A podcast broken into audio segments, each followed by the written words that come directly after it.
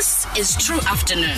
What we're gonna do uh, is uh, to speak to Andiswa Makanda, and uh, she recently wrote an open letter to all of uh, the people uh, who were involved in. Um, in, in, in, in kind of uh, the racial temperature of South Africa right now, how things have happened. She wrote a, a, an open letter to Penny Sparrow, Justin Van Vuuren, and other racist South Africans who want to reserve our beaches for whites only. Let's find out a bit more about that. Andiswa, welcome to tru Afternoon. Good day. How are you, Tristan? Uh, I'm great, actually, and and so and so happy that this open letter, you know, th- this is one of the only open letters I've decided to tell myself to read because everybody there was an open letter season last year, and a lot of them just didn't hit home like yours did. Oh, thank you so much, and I'm so glad that the letter got people talking. Actually, Yes, uh, I'm so really. Yeah. you mentioned that uh, initially you didn't want to respond uh, to his posts as uh, Penny Sparrow. What made you decide to write the article after that? Um, initially, when I saw Penny Sparrow, I was like, actually, no, I'm just gonna ignore. Then some more posts that came out, Justin Van Vuuren and the likes, and I said, actually, I'm tired of this. Um, we need to tell the story of the black person and the beach. So it was after that that I said, you know what, I'm no longer angry. I feel pity, and I think we need to give the other side of the story that we're not just littering or dirting the beaches, but there's more to it than what you see. There, there- there's a cultural element here that people are missing. Yeah, uh, exactly. e- even now, uh, Andy. So, how, how important is it for young people to be on the forefront of this fight against racism?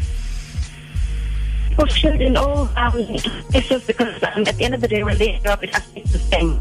Be it in academically, be it in trades. So young people need to, from the onset, from the young age, from high school, they need to be conscious of race, racism, their position, they, who they are as a black person.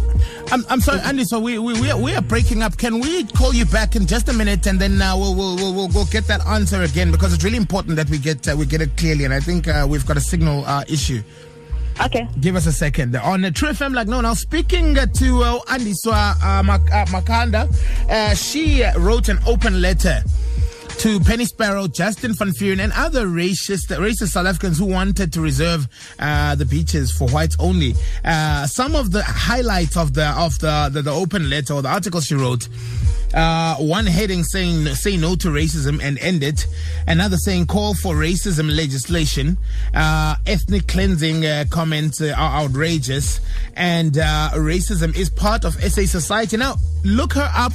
Find this article because it's going to be very interesting for you to actually get a perspective on what the young black South African has to look forward to now that uh, we have a voice that is louder and also needs to be heard more. Andiswa, are you there? Um, Welcome back, my dear. So you, you were you were still answering uh, why it's important for young people uh, to be on the forefront of the fight against racism. I think young people should, from the onset, at a young age, as soon as they start to recognize discrimination according to race, I think they need to be vocal, be it in the classroom, at school, um, in town, wherever they work. Because at the end of the day, when they up, it comes to them. They need to be the change of society. It needs to start at a very early age. This is very important at a very young age. I went to an Afrikaans school where we were taught in Afrikaans and English. And one of the things I was very vocal about that why taught is two different languages. How do I know that what you told the one uh, um, language speakers is the same as the well, the English speakers? So one of those things where you need to be conscious uh, about, like history. I was concerned about why are we learning European history when there's- we have a, such a rich African history to be taught. So we need to start questioning, start probing, um, Well- being more curious, you know, um, Up- sending up- out the alerts. So I think at a very young age, it's very important that young people are, uh, are consciousness. I mean, are conscious.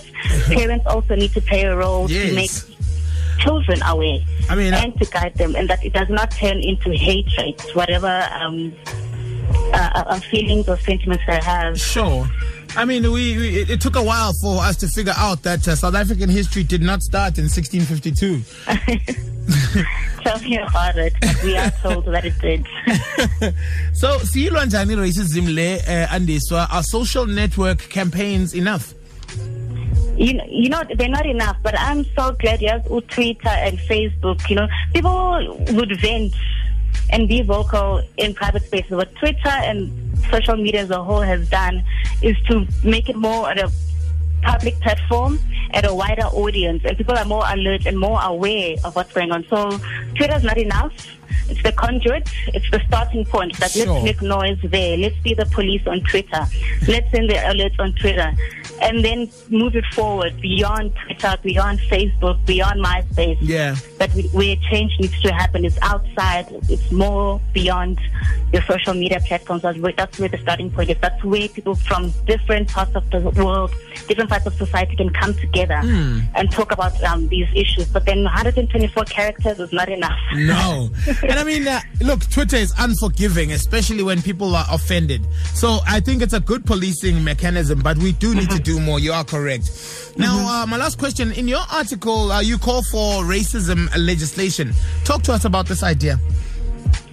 Um, I lost the last part of your question. I'm saying in your article, you, you, you call for racism legislation. Can you talk to us about uh, this idea and, and, and, unpack that a little bit? Oh, I was not necessarily calling for racism legislation, but I was talking about a, a social re-engineering mm. more, you know, because how do you reverse centuries of the superiority complex? Do we do it via legislation? Mm-hmm. Uh, Khumalo talks about cleansing. Is that the right way? I don't think so. Okay. Cleansing is not the solution. You cannot um, beat hate with hate. That's not the solution. Legislation, do we need that kind of, but what kind of legislation will it be? But I think the biggest project, the priority is the social is to have apartheid was entrenched because of the social engineering. It's an engineering. So we need to do a re-engineering that we perceive the black person not as inferior or subordinate, but we need to see the black person equal partner. We need to see the black person in a positive light. So it's that, it's that engineering that we need to get going.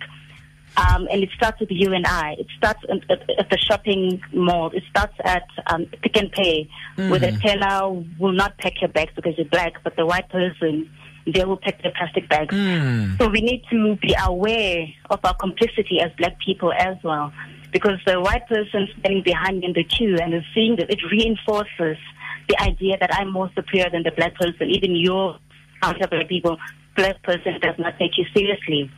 Wow. So that's what we need. We need to change the image of the black person. Where does this start? I don't know. The huge updates.